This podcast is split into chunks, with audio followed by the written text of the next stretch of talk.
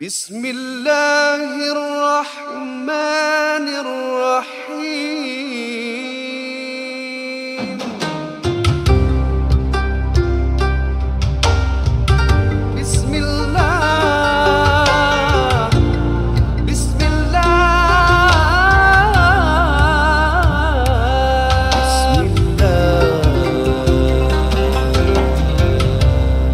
Bismillahirrahmanirrahim. Alhamdulillahirabbil wassalatu wassalamu ala asyrafil anbiya'i wal mursalin wa ala ali wasahbi ajma'in. Muslimin muslimat pendengar NJU yang kami muliakan, selamat bertemu lagi dalam satu lagi rancangan NJU bertemankan saya Dinur Rahim dan juga teman-teman saya Raja Razi dan juga Zahra Ismail Uh, dan uh, juga kita bersama yang berbahagia Al-Fadhil Ustaz Muhammad Nuzhan sebagai NJU kita semoga kita dapat manfaat dalam mendengar NJU pada kali ini.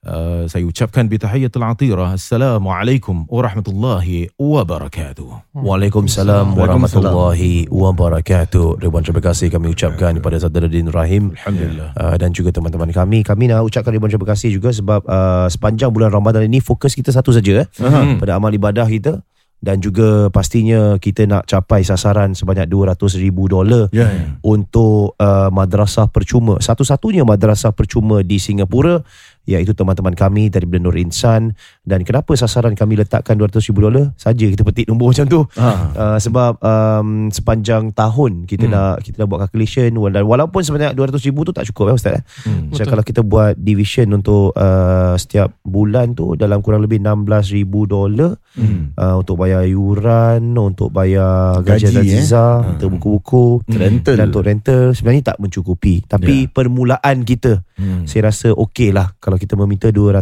ribu dolar sebagai sasaran dan sejauh ini sedikit updates kita telah pun uh, berjaya ini bila sebut kita ni bukan kita je Hmm. bermaksud pendengar ribuan pendengar-pendengar kita Ya. setelah pun berjaya untuk mendapatkan sebanyak 60 ribu dolar Alhamdulillah. ini. Masya Allah. Selepas lima hari berkempen, Alhamdulillah Hmm. kita masih lagi mencari uh, baki 140 ribu dolar Ya, ya. ya. untuk naikkan. Tapi 130 ribu dolar sebenarnya. Sebab ada uh, anonymous donation sebanyak 10 ribu dolar tengah masuk ni. Hmm. Uh, teman-teman kami anonymous taklah anonymous sangat. Hmm. Sekarang kita dah sebut uh, teman-teman kami daripada TAQ Wealth Ya. Associates. Alhamdulillah. Uh, mereka ikrar untuk memberikan 10 ribu dolar. Kita akan ada uh, satu sesi bersama dengan mereka yang kita nak ambil gambar lah dengan mereka Hmm. sebagai uh, usahawan dan juga syarikat yang memberikan uh, donation yang besar ni. Ya, ini menunjukkan juga mungkin bagi mereka yang lain, uh, syarikat-syarikat yang lain juga ingin menderma demi untuk membantu pelajar-pelajar kita untuk belajar agama di madrasah percuma ini dipersilakan sahaja uh, mahupun bagi individual uh, bagi individu yang ingin bersama membantu boleh sahaja ke lingkaran www.nju.sg garis miring donate. Uh, dan juga um, sabun Nazif ada dalam stok eh masih ada stok lagi. Ya, Um, boleh. Masih Yang- ada lagi. Ya. Yang nak membeli boleh pergi ke www.nju.sg garis miring shop. Ah, lain eh. Okay, baik. Jadi terima kasih bagi mereka yang menderma dalam bulan Ramadan ini lebih-lebih lagi Nabi SAW Sallallahu alaihi ajwadu. Nabi ni memang seorang yang pemurah. Hmm. Wa kana ajwadu ma yakun fi Ramadan. Ini dia hadis yang kita nak pegang. Nabi SAW seorang yang pemurah, Hmm. suka membantu, suka menderma. Tapi pada bulan Ramadan, Rasulullah SAW sendiri menunjukkan lebih lagi dia nak membantu. Semangat Rasulullah SAW kalau dalam bulan Ramadan tu, SAW. baginda akan lebih suka membantu, menolong, menderma. Itulah dia semangat yang perlu kita ada. Dan bila kita menderma untuk madrasah Nur Insan ini, uh, kita ingat keberkatan dia bukan hanya untuk madrasah tu. Hmm. Tapi keberkatan dia pelajar-pelajar tu dapat belajar, guru-guru dapat ada habuan, tempat, ilmu itu dimanfaatkan terus. Dalam masa yang sama kalau kita namakan dengan atas nama arwah, arwah dapat pahala yang berterusan kalau derma atas nama mereka dan keberkatan dia kita juga bukan hanya pahala di akhirat tapi membuang rasa daripada rasa tamak, rasa cintakan kepada dunia. Ha, itu sebenarnya yang mahal. Hmm. Apatah lagi dia akan sedekah itu menghapus dosa, memberi keselamatan, membawa penawar dan membawa kejayaan dan kebahagiaan dalam hidup kita. Cubalah beramal dengan sedekah ni. InsyaAllah saya yakin dalam kehidupan anda akan mendapat perbezaan. Amin ya Rabbal Alamin. And now it's on to the show.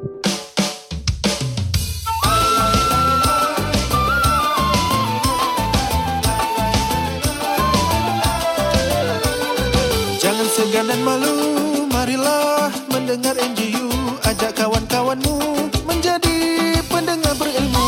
Jangan segan dan malu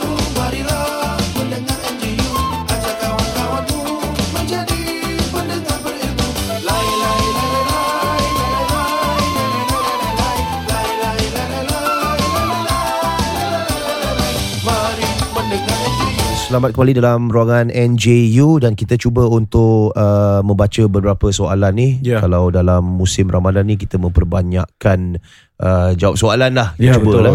Kita mulakan mungkin dengan soalan pertama. Silakan akhi akhi uh, kita. Ah, mungkin saya boleh teruskan uh, terlebih dahulu. Silakan, ya, silakan. Saya akhi uh, Raja Razi. Uh, Apa tu? uh, dia ada dia punya kol-kola dia. Ada kol-kola dia. Ingat tak cekik ajwa tadi. Ajak sedap memang makan sedap tu. Ah, ah. Ya.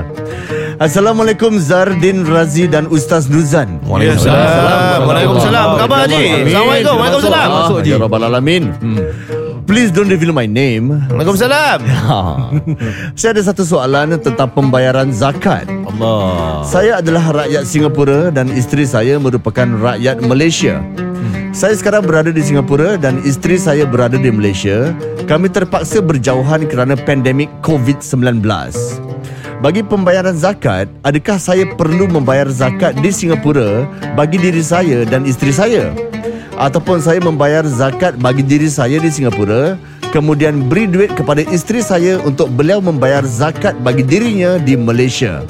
Harap NGU dapat meng- mengutarakan soalan saya kepada Ustaz Nuzan. Terima kasih The Five Pillars. Jazakallahu khair.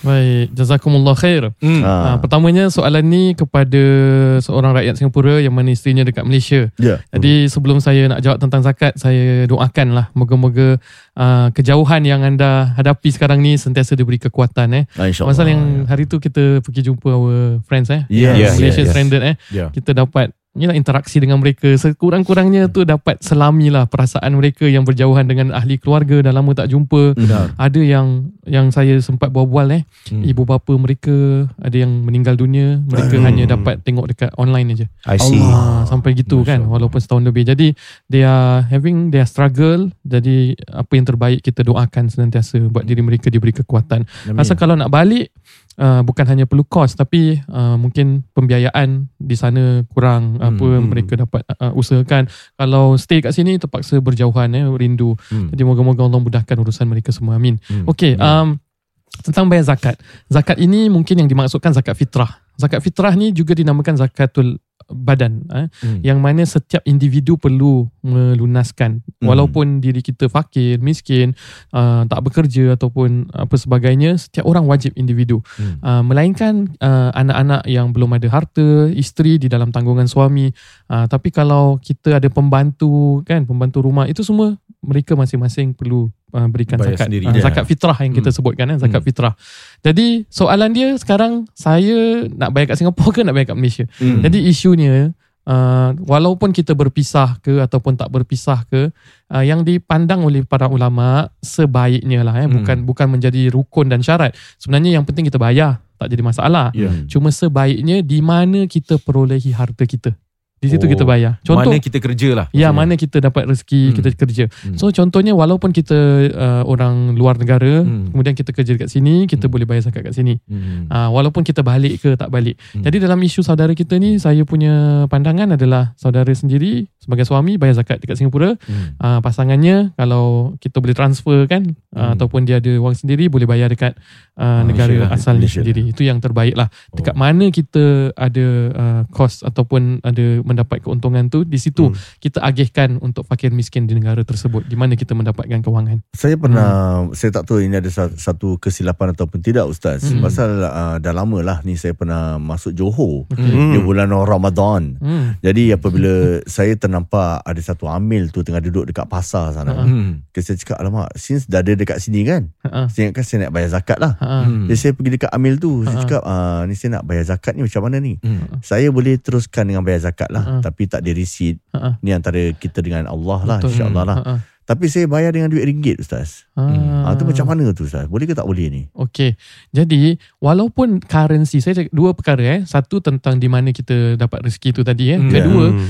tentang currency. Sebenarnya zakat apa pun currency asal zakat dalam mazhab al-Imam Syafi'i adalah uh, dengan 2.3 kilogram beras Okay. dekat staple food of that country lah kalau dalam kita adalah beras so Yeah. beras ditaksirkan 2.3 kilo sekarang ni Hmm. uh, secupak uh, bukan secupak maknanya uh, satu sak eh satu uh, Segantang. uh, satu matrix yang saya tak, ingat lah gantang ke Satu cupak link. Kita nak masak okay. Yang penting dah 2.3 kg Ah, uh, Walaupun 2.3 premium kg. punya beras ke Ataupun Basmati. basmati Ya, ke Yang biasa Thailand punya ke kan ah. Tak kisah Pasal dia akan convert to the currency of that country So kalau you de- dekat Indonesia Hmm. Walaupun you bayar pakai duit rupiah Tapi Ya. dia based on 2.3 kilo juga Dekat Singapura. uh, anu, Kalau Tak you kat Indonesia negara. Tak kisah Oh. Pasal dia punya harga tu Nilai taksiran tu berpandukan 2.3 kilogram of beras I see. di negara tersebut punya Hmm, harga. Sama juga kalau you dekat Malaysia ke dekat mana-mana is 2.3 kilo. Ha, jadi uh, kalau you dah bayar zakat fitrah di situ tak ada masalah, boleh diterima juga. Hmm. Cuma sebaiknya di mana kita berada uh, dekat situ kita uh, bayar zakat lah uh, dekat Oh. negara asal. Jadi dia tak ada isu bab currency dia pasal dia based on beras Hmm. ataupun makanan seharian negara tersebut. Okay. I see, I see. Itu dia sikit sebanyak Baik. pasal zakat. Saya ada uh, rangkaian soalan ni daripada seorang akhi muda kita. Hmm. Uh, wah, kalau saya buat program akhi muda style eh. Fuh, Ui, akhi muda. Dalam nice. selamat datang ke akhi muda. apa dia punya lain, competition lain, dia pasal Dia apa? macam macam uh, kira muda-muda ceramah kira Oh, uh, competition ya, lah siapa ya. pidato paling baik menang. Betul. Oh, okay. Oh, Betul. Bagus Baik. bagus. Pasal orang muda ni kadang-kadang kalau kita tak berikan platform, Hmm. uh, bakat mereka tu yang terselah tak dapat di apa asah kepada lah. perkara yang positif. Terima kasih. Uh, so satu hari siapa lah tahu apa-apa je lah competition untuk orang muda ni memang insya-Allah kita alu-alukan lah. Hmm. Silakan akhi muda. uh, akhi muda kita bertanya, uh, "Salam bang." Dia tanya saya lah. Oh, Wa- uh, Waalaikumsalam. Apa kau nak? itu respon kau. ah. Abang-abang. eh. ya, katanya di sini saya ada beberapa soalan saya nak tanya NGU ni bang. Ah. Uh, saya dah hantar dekat Abang Razi Mungkin dia tak perasan Ha? Harap harap soalan saya dapat dijawabkan bang Hmm. Katanya Assalamualaikum Ustaz Nuzan Waalaikumsalam Waalaikumsalam. warahmatullahi wabarakatuh. Abang Razi Waalaikumsalam warahmatullahi wabarakatuh. Abang Din Salam. Salam. Dan Abang Zar Waalaikumsalam Hmm. Saya ada beberapa question nak ditanya Mm-mm. okay, Mungkin fast response Saya nombor satu Hmm. Kalau dah lama tak solat langsung Termasuk solat fardu dan solat Jumaat Mm-mm. Adakah jika kita meninggal Kita meninggal dalam keadaan bukan beragama Islam Jawapannya tidak. Kita masih meninggal dalam sebagai orang yang ber, beragama Islam. Hmm. Kerana walaupun solat sebagai rukun orang yang beriman tetapi yang mengeluarkan dia daripada agama adalah apabila dia tidak apabila dia mensyirikkan Allah ataupun dia menafikan syahadahnya ataupun dia menyatakan itu tidak wajib. Tapi kalau ditinggalkan atas dasar hmm. kelalaian ya itu Ya. hanya berdosa besar dalam sisi ahli sunnah wal jamaah tapi masih beriman. Baik Soalan nombor dua Even though dah lama tak solat Adakah doa saya untuk ibu dan makcik saya And ada Muslims yang telah meninggal Masih diambil oleh Allah Kalau dah lama tak solat Saya Baik. doa Sifat Allah antaranya Ar-Rahman.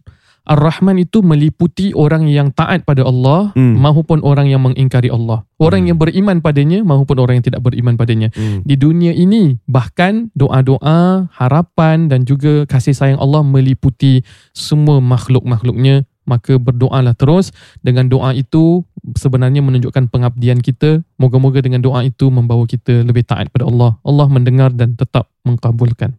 Soalan nombor tiga I have an atheist girlfriend Who keeps on claiming our religion is bad Atheist maksud dia tidak bertuhan Hmm. um, who keeps claiming our religion is bad due to the extremists who does suicide bombing and also because of Sharia law on cutting heads off.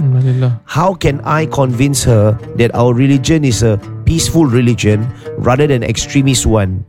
Saya terjemahkan saya ada seorang uh, girlfriend atheist yang tak beragama uh, dan mengatakan bahawasanya um, agama kita ni tak baik ustaz sebab dia dah baca uh, orang-orang pelampau agama yang membuat pembunuhan, suicide bombing dan juga sebab syariah law kita ni ada potong kepala dan sebagainya.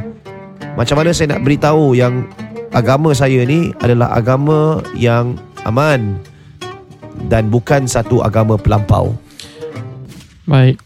Bila kita menghukumkan sesuatu, kita kena bezakan antara orang yang melakukan dan antara apa yang diajarkan dalam agama itu sendiri. Hmm. Pertama kalau kita cakap ada ni di sini ada beberapa banyak spektrum eh. Ya. Uh, nombor satu kita katakan tentang uh, penyebaran agama itu sendiri. Penyebaran agama fakta tidak pernah menipu kerana bagaimana Islam tersebar di seluruh dunia eh. Majoritinya lah uh, masyarakat Islam di dunia adalah daripada kalangan orang daripada Asia Tenggara, Hmm. uh, daripada Southeast Asia dan mana tidak ada mana-mana tentera Islam pun sampai ke sini menunjukkan bahawa agama ini tersebar dengan aman, dengan kasih sayang dan ajarannya penuh kasih sayang. Bahkan dalam Al-Quran kalau kita buka Al-Quran Allah memperkenalkan dirinya dengan Ar-Rahman, Ar-Rahim. aha. Jadi misconception misconception ini perlu nombor satu saudara ada ilmu untuk melihat bagaimana uh, kesalahfahaman yang sering terjadi dalam agama kita dalam syariat kita ni dapat saudara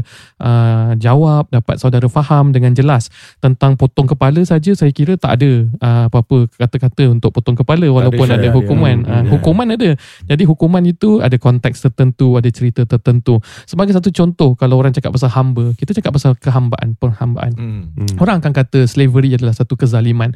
Tapi konteks pada ketika itu, slavery adalah satu solusi untuk kita treat prisoners of wars. Because mereka berperang dengan anda. So instead of you killing them, instead of you Hmm. just biarkan mereka terpenjara, you bebaskan mereka dapat hidup bersama-sama in the community tapi dalam masa yang sama, you masih ada control over them. And dia boleh tebuskan diri dia bila Hmm. mereka berubah. So kalau orang tengok on a surface level dia akan slavery, dia terus akan cakap apa ni? This is very backward. This is Ya, ya. ini men, men, apa mengotorkan. Jadi kena ada konteks, kena ada ilmu kenapa tentang poligami, kenapa tentang isu-isu ni dan perkara-perkara ni adalah perkara yang yang cabang dalam agama bukan agama uh, menitik beratkan benda-benda ni. Agama Aha. menitik beratkan keamanan kedamaian establishment of uh, of, uh, of of kebenaran dan semua orang mengenal Allah dan dapat adil antara satu sama lain. Jadi itu memberikan tumpuan. Perkara kedua yang saudara perlu fokus adalah bagaimana untuk berakhlak dan menunjukkan kepada dunia bahawa uh, mereka perlu melihat kepada ajaran Islam yang sebenar, sejarah Islam yang sebenar, yang mana salah tu tetap kita kena tak boleh deny. Hmm. Raja-raja Islam, Hmm. uh, khalifah-khalifah ada juga yang uh, me, apa menyanggahi daripada ajaran Islam yang sebenar. Begitu juga dengan semua agama-agama lain dalam dunia ini juga kita tidak boleh menghukum agama mereka berpandukan orang yang melakukan. Uh, macam apa the Ku Klux Klan lah kan Oh, apa-apa I see. you, you tak boleh cakap itu adalah agama yang represent uh, apa pemahaman yang represent sesebuah agama Yeah. seperti Yeah, mana you yeah. tak boleh cakap extremist represent Muslims You're right. with the with the percentage even uh, is very um, minimal kan uh, dengan moderate Muslim Sunni Muslim and everything sama juga kepada agama lain sepanjang sejarah they are not rep- uh, apa this extremist group from that religion doesn't represent uh, Christianity ataupun Mm. Hinduism ataupun Buddhism the same concept so yang paling penting adalah kita jangan putus asa tunjukkan akhlak yang baik berikan sebarkan kebenaran uh, dan teruskan untuk uh, pelajari keindahan kesucian dan juga kasih sayang dan cinta yang ada pada agama Islam yang mana namanya sahaja adalah agama penuh sejahtera. Sebarkan senyuman. Oh lagu tu. eh. Jom, jom senyum. Uh, nombor empat ya. Oh, ada lagi eh? lima Oh, ada soalan. banyak. Oh, Ya. banyak. Sabarlah. so soalan nombor empat. Is it wrong Oh. if I tak agree with Syariah law? Adakah Ah. salah kalau saya tak bersetuju dengan Syariah law? Hmm. Since our religion is about peace and forgiving, Hmm. then why the Sharia law is so strict to the point Hmm. like you get caught for zina for example, you dah uh, kena tangkap apa Hmm. berzina, rather than prison or something, instead of their punishment, their punishment is stoned to death. Hmm. Kena apa di uh, Dia rejam. dia Rejam, rejam, rejam. sampai mati. Hmm. Ibarat macam tak ada forgiveness gitu. Hmm. And give them an opportunity to change to be better. It kind of contradicts what our religion is teaching, which is forgiveness. Macam rasa bercanggah dengan Hmm. apa yang agama kita mengajar, iaitu uh, dari sudut kemaafan, konsep kemaafan. Macam mana ni Ustaz? Baik. Ah, itu Alhamdulillah. eh. Jadi di sini yang perlu kita telusuri dengan betul amik, dengan sedalam-dalamnya, dengan uh, kompleksiti yang ada tentang isu ini. Nombor satu, contohlah. Orang selalu cakap siapa berzina, wahwa muhsan. Muhsan tu orang yang dah berkahwin. Maka Hmm. hukuman dia rejam sampai mati. Orang Aha. amik gitu je. Padahal orang yang berzina, apabila dia belum pernah berkahwin, hukumannya bukan sedemikian. Hmm. Kedua, agama Islam menunjukkan bahawa sebelum adanya hukum rejam, adanya uh, hukum rotan, sebenarnya ada cara-cara untuk menjauhkan seseorang itu daripada berzina. So Islam berikan anekdotnya juga. So comprehensively kita kena lihat. Ketiga, apabila nak mensabitkan hukuman tu, dia bukan semudah mensabitkan melalui DNA, melalui uh, perzinahan. Bahkan di zaman Nabi sallallahu alaihi wasallam, Nabi sallallahu alaihi wasallam bila ada orang cakap aku telah berzina, Nabi cakap mungkin kau tidak berzina, pergi dulu. Nabi tak tak tak jatuhkan hukuman tu berpandukan hearsay ataupun Yeah. berpandukan apa-apa. Nabi maafkan lagi, Nabi kata pergi dulu, pergi. Sampai orang tu mati-mati dia nak dihukum. Jadi Islam bukan agama yang mencari sebenarnya siapa yang berzina kerana nak mensabitkan nak kena ada beberapa saksi mena- Hmm. melihat benda itu terjadi dan itu hampir mustahil. Hmm. Jadi secara tak langsung agama ini menunjukkan satu cara hukuman yang sangat tinggi Hmm. penaltinya tapi dalam masa yang sama bukan nak hukum orang tetapi nak berikan uh, Amaran. amaran so, bahawa perkara ini perkara yang sangat besar Hmm. uh, dia dinormalisasikan banyak benda sekarang dah dinormalisasikan dalam hidup kita Hmm. kita dah nampak normalization of negative things even eh saya baru-baru ni berbincang eh uh, sebenarnya perceraian benda-benda ni semua benda yang negatif yang tak Hmm. semua orang nak Hmm. yang kita terpaksa lalui tak ada orang nak tapi dia nak buat dia normalization sampai orang rasa tak ada benda lah apa-apa aku boleh lepaskan kau apa-apa Hmm. aku ni so ini konteks zaman sekarang Hmm. bukan hanya uh, perkara-perkara negatif yang lain yang dah banyak dah normalize Ya. hatta perceraian dan sebagainya mereka memang ada agenda seterusnya. Jadi balik kepada soalan saudara kita ni untuk mensabitkan sesebuah hukuman syariat itu Hmm. khususnya zina untuk berlaku Ya. itu sudah hampir mustahil. So Hmm. nak menunjukkan bahawa memang itu dia punya death penalty itu adalah satu benda yang uh, bukan nak dibuat, bukan nak di uh, bukan kita nak Nak kasih. It, it is not for you to execute tau. It is something that you put there so people really jaga and benda ni sangat berat. Hmm. Bukan cari cari cari because nak cari nak mensabitkan tu sampai hampir mustahil. Empat orang nampak benda tu dalam dah, dah nampak kalau tidur dekat satu selimut dia tak nampak pun dia cannot execute sampai to that extent. Yeah. So menunjukkan apa dia cuma letakkan saja hukuman yang tinggi bukan untuk nak nak nak apa bunuh bunuh bunuh bunuh orang dan tentu ruang untuk kemaafan itu sangat luas bahkan kalau bagi siapa yang pernah berzina atau melakukan dosa-dosa seperti ini taubat kepada Allah Subhanahu Wa Taala ya bukan kita katakan kita perlu dihukum bunuh baru kita dah bersih dan sudah suci di sisi Allah Hmm. taubat di sisi Allah jadi roh agama untuk bertaubat itu tetap ada walaupun mempunyai hukuman sedemikian Hmm. kerana hukuman itu hampir mustahil untuk dilakukan. Uh, jadi kena nampak komprehensif punya approach Baik. um, dan uh, saya rasa antara perkara yang lain juga agama Islam kalau soalan tadi tu apa yang saya perasan kita kita tak kita tak terima syariat Islam secara Hmm. ni apakah berdosa uh, bagi saya kalau kita masih ada ruang untuk kaji untuk belajar Hmm. saya rasa tak jadi dosa the Yeah. good thing is that you challenge yourself tau. you macam nak belajar you macam Hmm. nak tahu and then you Hmm. cari and then you you will see dia tidak sampai mengeluarkan seseorang itu daripada Islam Hmm. melainkan kalau uh, the fundamentals and the basic principle you tak terima Hmm. seperti Tuhan itu bukan Esa Yeah. Al-Quran itu tidak benar itu yang men- mengeluarkan orang tu daripada lingkaran agama Islam tapi kalau uh, apa uh, apa ba- cabang-cabang daripada Hmm. syariah ini kita tak setuju atas kejahilan atas kita belum lagi dapat terima atas kekurangan atas konteks itu saya sarankan untuk kita kaji dan kita udkhulu fis silmi kafa kita masuk agama ini dengan secara komprehensif dan the conquest for the truth itu yang perlu ada dalam sifat diri seseorang wallahu a'lam Soalan terakhir daripada akhi muda kita ni oh, Banyak soalan dia tanya oh. eh. Oh. Kira dia pause semua Dah boleh Ada Hmm. opportunity Baik dia pause semua kan Ya, ya, ya. boleh Is the Sharia law itself Adakah um, Apa Law Syariah ni Created by Allah Hmm. Stated in the Quran Or is it by our Prophet Or is it by other people hmm. Ya, dari mana asal usulnya Hmm. you know undang-undang syariah ni adakah dak turunnya daripada Allah Hmm. adakah ditulis dalam al-Quran Hmm. Hmm. adakah disampaikan oleh nabi kita Hmm. Ataupun orang yang uh, mengambil unsur-unsur ni dan buat karang sendiri uh, dan letakkan sendiri undang-undang syariah ni Baik. Hukum syariah uh, asalnya ataupun uh, dirujuk masdar ataupun rujukannya sandarannya Hmm. daripada al-Quran daripada kalam Allah ya dan diterangkan dan diaplikasikan oleh baginda Rasul sallallahu alaihi wasallam dan dikembangkan dengan kesesuaian pada setiap masa dan konteks pada situasi oleh para ulama yang memahami Al-Quran dan Sunnah. Ya, oh. saya kira tu sedikit sebanyak hukum syariah. Ya, jadi kita, misal contohnya macam uh, hukum orang isap dada. Hmm. Uh, orang mengambil dada. Itu hmm. tak ada dalam Al-Quran kan. Hmm. Tapi difahami itu daripada sesuatu yang memabukkan.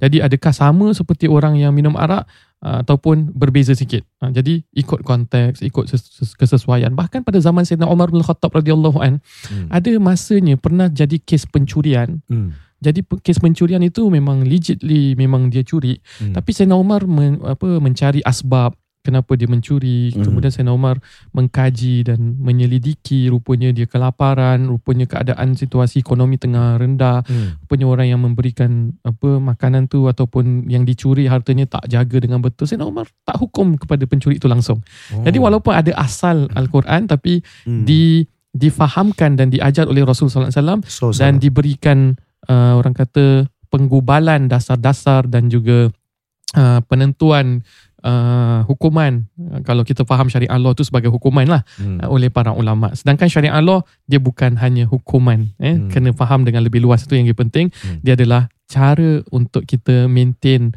uh, hidup di dunia ini dengan aman dan damai. Seperti pernikahan pun syariat Allah. Hmm. Kan? Kita perlu nikah, perlu ada saksi menyaksikan, Bagi tak boleh lebih, perlu ada wali, hmm. perlu memberi nafkah. Jadi kita kena faham syariat Allah tu bukan hukuman saja tapi hmm. undang-undang, agama yang digubal untuk kemaslahatan manusia uh, menaik tarafkan dan menjunjung keadilan dan keamanan dalam hidup Allah Terima kasih Ustaz dan uh, teruskan dengan soalan uh, ni hmm. daripada Akhidin. Baik, kita ada satu soalan ni daripada pendengar kita mengenai puasa Ustaz eh. Okay. Saya ingin bertanya tentang bayar balik puasa. Mm. Selama 17 tahun sejak balik oh. saya asyik sahaja on off puasa tanpa sebab tertentu. Allah. Tapi Alhamdulillah saya sudah taubat since few years back setelah mendirikan rumah tangga. Saya ingin tanya macam mana nak bayar balik puasa yang saya tertinggal secara sengaja. I don't even know the exact number of days. Kalau anggap 17 tahun berturut-turut tak puasa langsung, kafarahnya dia dah kira-kira Ustaz eh. Hmm. Calculation dia berharga 300 ribu dolar. Wow. If my calculation is correct lah Ustaz. Where does uh, he get that calculation? Ni dia kira daripada 17 tahun straight tak pernah puasa. Ada calculator eh? Ada puasa calculator? Ah uh, tak salah. Ada ah, tak tahu ada ada ada formula dia. Ada, ada formula dia lah. Ya. Jadi dia dah kira-kira 300 ribu Saya tak mampu nak bayar harga seperti itu Bayar ansyuran tiap bulan pun Saya susah lah Walaupun saya nanti bila dah tua pun Tak lepas untuk dibayarnya Is there any other alternative sekiranya saya tak mampu untuk bayar kafarah tersebut? Hmm. Macam mana Ustaz? Jual rumah lah. 300 ribu tak cukup bro. tak cukup eh? Jual rumah kalau dapat 300 ribu dah tak mampu nak beli rumah dah. Hmm. Oh. Tapi kalau niat kerana Allah tak payah tinggal mana-mana pun okey juga.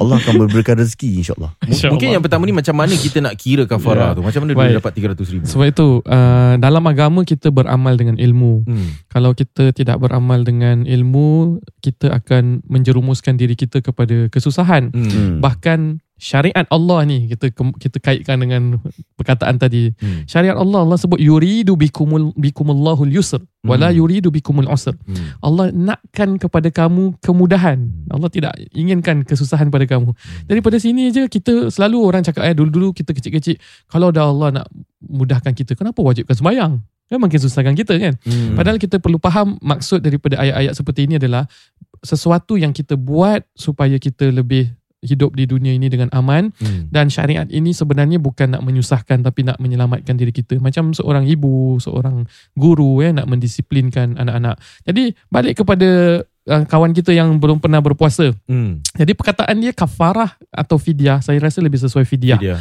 kafarah kalau kita cakap kafarah ni dia umum tapi dia lebih dekat kepada orang yang bersatu suami isteri Mm-hmm. Apabila dalam siang Ramadan. Ha, malam Ramadan tak apa. Uhilla lakum laylatas siyam rafathu ila nisaikum. Allah kata malam mm. memang halal. Mm. Tapi kalau siang Ramadan dia bersetubuh suami ba- isteri. Batal puasa lah. Maka bukan hanya batal. Dia ha. kena qadak dan dia kena kafarah. Oh. Dia kena beri, dia pertama membebaskan hamba ataupun berpuasa dua bulan berturut-turut. Ah, ha. straight kena. Straight. Fuh, Beratnya. Berat. Mm. Berat. Heavy. Itu kalau orang yang bersama suami isteri lah. Mm. Yeah. Di siang hari Ramadan.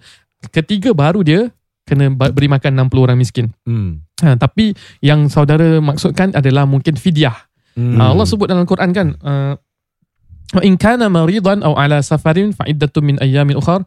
Oh sorry, uh, fa fidyatu ta'ami miskin. Hmm. Uh, siapa yang tak boleh puasa, Hmm. fidyah kepa- beri makan kepada orang miskin. Hmm. Jadi saya nak berbual pasal fidyah ni, kita bincang-bincang pasal fidyah sikit eh. Fidyah ni baru secupak beras untuk Secupak. diberi makan. Secupak tu harga Singapura saya rasa 1 dollar plus lah. Hmm. Ah. Jadi mungkin saudara kita dia berpegang dengan pandangan daripada 17 tahun, dia kira tahu setiap tahun setiap tahun setiap tahun, kemudian ada gandaan. Okey, saya mula daripada awal dululah eh. Hmm. Hmm. ni bincang panjang sikit lah. Hmm. Fidyah adalah apabila seseorang tidak hanya per, tidak hanya dapat membalas dengan qada puasa. Hmm. Dia tak boleh puasa, selalu orang tak boleh puasa kena qada. Hmm. Tapi ada certain issue dia bukan hanya qada, dia kena bayar, Bayar. fidyah sekali. Contohnya wanita yang sedang mengandung atau menyusukan anak. Hmm. Dia tak berpuasa kerana risaukan anak dia. Hmm. Ya. Ni macam mana ya, nanti folic acid tak cukup ke apa nanti Hmm. budak ni macam mana? Aku kuat tapi aku tak puasa ni hari pasal aku takut budak. Dia nanti kena qada dan kena bayar fidyah. Hmm. Ya. Tapi kalau dia tak puasa pasal dia risaukan diri dia sendiri je. Hmm. Alamak pening ah, mabuk lah. Dia tak fikir budak pun. Hmm. Hmm. Itu dia cuma qada saja. Okay, Okay, itu okay. satu situasi Hmm. kenapa orang kena fidyah ya. Hmm. Ha, tapi untuk orang yang mengandung di luar sana experience uh, para isteri dan juga asatiza dan juga nasihat-nasihat para doktor selalunya memang uh, dia risaukan anak tu satu benda yang baik tapi kadang-kadang dia lebih kepada diri lah kalau diri kita kuat apa semua kan Hmm. uh, insyaallah pada anak tu pun okey tapi kalau diri kita dah lemah automatically pun anak tu akan terkesan juga Hmm. uh, Yeah. so itu apa tambahan info lah kedua bila orang kena fidyah Hmm. Orang biasa-biasa lah kalau dia tak puasa kalau pasal sakit ke ataupun pasal dia memang tak puasa lah macam kawan kita Hmm. jahil out of out of ignorant Hmm. ataupun pasal dia musafir ke Hmm. dia kena fidyah bila dia tak bayar qada selama setahun. Contoh sekarang ni kita Oh. tahun 2021 eh. Yes, betul. So kita tak puasa lah satu hari semalam lah contoh kita Hmm. tak puasa. Hmm. Pasal apa alasan? Antaranya alasannya kita musafir ke, kita sakit ke ataupun kita memang tak puasa. Hmm. Nak isap rokok ke, Hmm. aus ke kan memang Ah. tak nak puasa lah. Hmm. Kemudian before 2022 punya Ramadan Ya. ataupun kita, saya pakai kalender miladi lah sebenarnya Hmm. kalender hijrah. Before the next Ramadan, you dah kena qada. Kalau you tak qada, you kena bayar fidyah Fidyah. dan qada. Ah Okey. itu untuk orang yang bayar fidyah. Lagi bila lagi orang bayar fidyah? Bila dia tak mampu puasa langsung. You memang a, a sick patient ataupun you orang tua yang dah Yeah. 80 lebih 90 you memang tak boleh puasa. You memang all the way on medication. Hmm. Ah so itu tak payah qada, tu fidyah terus saja. Hmm. I tu fidyah eh. Okay. Jadi saudara ni bertanya dah sampai 300 ribu. Macam mana boleh sampai 300 ribu sedangkan fidyah ni harganya cuma 1 dolar lebih saja. Hmm. Satu hari tak puasa you kasih secupak beras saja untuk beri makan orang miskin. Satu Hmm. je. Hmm. 1 dollar plus saja. Hmm. Kerana ada pandangan dalam mazhab Imam Syafi'i sebagai denda orang yang dah setahun tak bayar, tahun kedua tak bayar, tak qada, tahun ketiga tak bayar, tak qada, dia akan berganda, berganda, berganda. Jadi dia kali tiga. Kalau dia daripada usia 17 tahun, sekarang dia umur berapa? Uh, 50. Hmm. So contoh 23 tahun. Hmm. 23 tahun tu you kali, setiap tahun tu you kali. Kalau 30 hari setahun, Hmm. 30 kali satu tahun, lepas tu tahun kedua kali 60, tahun ketiga kali 90. Oh. Ha, sebab itu dia kira sampai 300 ribu. Faham. Dan itu memang valid dalam sebahagian mazhab. Kalau kira anda oh ada mazhab juga Betul, kiraan ah, itu itu sebenarnya yang paling tepat lah lah. hmm. dalam mazhab Imam Syafi'i. Cuma kita juga mengambil pandangan mazhab Imam Syafi'i yang lain iaitu kalau tidak ada kemampuan tak perlu digandakan. Kalau kita memang mampu keluar daripada khilaf kita gandakan lah. Hmm. I am not sure dia kira sampai 300 ribu macam mana. Ah. Tapi kalau kita tak mampu Hmm. hanya perlu bayar tanpa ganda. Jadi setiap tahun tu kalau 30 hari dia dah tak ingat kan. So you kira lah usia you berapa sekarang. Kalau Hmm. usia you sekarang 50 tahun tadi, Hmm. Letaklah 40 lah contoh. 40 umur 17 dia tak dah tak puasa. Ah. So 20 eh, 13 13 tahun. Ah 23, tahun lah. ya. 23 kali 30 lah. So 30 hari satu bulan. Oh. 23 kali 30 jadi bermakna kalau let's say saya tak mau kira 1 dolar lebih, saya kira 2 dolar lah. Saya kira lah. Ah, 23 kali 30 dulu. Kali 30 Hmm. 690 Ah, kali 2 dolar lah. kali 2 dolar. 2 dolar. 1380. Ya, itu yang tak berganda. You boleh Oh. pilih pandangan yang tersebut. Ah. Ah, asalkan jangan sampai kita rasa macam ni. Ah, tak payah. Kodok-kodok solat, kodok-kodok puasa. Aku taubat sudah. Ya. Allah Hmm. SWT terima. I mean, kita hutang kepada Allah SWT ni kita bayar. Kalau kita mati dalam cuba usaha kita bayar, kalau kalau kita tak sampai pun sampai 1000 lebih tu. Berapa tadi total Hmm, sih? 1380. 1380. So that 1380 kalau kita tak mampu selepuk kita boleh kasih sikit-sikit. Hmm. Dan kalau kita meninggal dunia, kalau you punya CPF masih ada, Hmm. waris kena keluarkan duit fidyah baru difaraidkan. Okey, Oh, contoh kalau dulu. saya nak bayar uh, puasa saya ni, Hmm. bayar kodok nak Mm-mm. nak bayar fidyah ni. Mm-mm. Jadi saya ada 1380 1400 lah. Hmm. Saya nak bayar kat mana ni Ustaz? Bayar kepada badan-badan pungutan zakat yang boleh memberikan kepada fakir miskin. Oh. Dia kena fakir miskin. Dia bukan zakat punya asnaf orang-orang apa berhutang, orang-orang mualaf. Dia memang fakir miskin. Fa fidyatu ta'ami miskin dalam Al-Quran. Memang Betul-betul. kasih makan kepada orang miskin. Macam let's say kalau saya uh, tahun-tahun yang lepas eh, Mm-mm. saya macam ada tinggal tak tinggal, tinggal tak tinggal, sekejap seminggu tak puasa, Mm. curi puasa, curi batal. Then after that saya rasa ah, senang kira lah saya nak clearkan daripada umur saya 17 tahun sampai saya sekarang ni. Hmm. Satu kali bayar lah. Saya bayar Mm-mm. 1004 je lah just to clear everything boleh kan? Boleh. Ada Itu yang, masalah. itu yang terbaik lah. Ah. Dan juga Hmm. qada. Ah, Dan juga qada. Oh, korang Jadi eh sampai tua ke aku kena qada. tak apa awak puasa Senin, Kamis, Senin, Kamis pelan-pelan. Yang penting awak ada niat nak bayar. Jadi Oh. kalau awak tak sampai pun sampai akhir hayat awak, usaha awak tu Allah pandang. Allah Maha Ah, mengetahui lah. Rather than awak tak bayar lah kan Taubat sudah lah kan Oh. ah, Bismillah Tapi awak usahakan Ah, Yeah. Dapat tak dapat Kira Macam kena orang bayar puasa jugalah. ah, eh. Kena Macam orang pergi haji.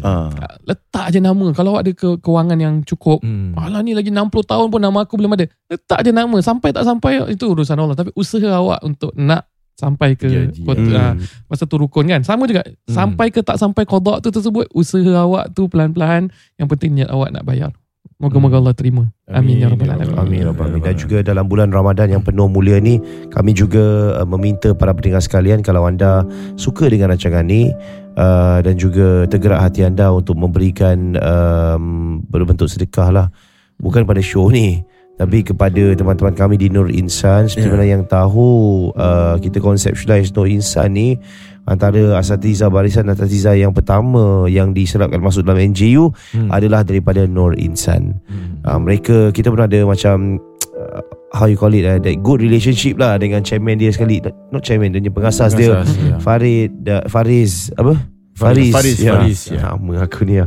Ada akan berapa hari ataupun beberapa minggu akan datang kami akan cuba undang beliau untuk berbicara bersama dengan program-program Nur Insan Ya. dan uh, lebih tepat lagi uh, kalau anda menderma sekarang uh, sasaran kita adalah sebanyak 200 ribu dolar. ya. Ya. Bayangkan kalau kita dapat uh, memungut uh, jumlah ini uh, sebelum Syawal ya. Aha. Kita akan langsung berjumpa dengan mereka dan uh, harapkan agar uh, sumbangan ni dapat membayar semua yuran.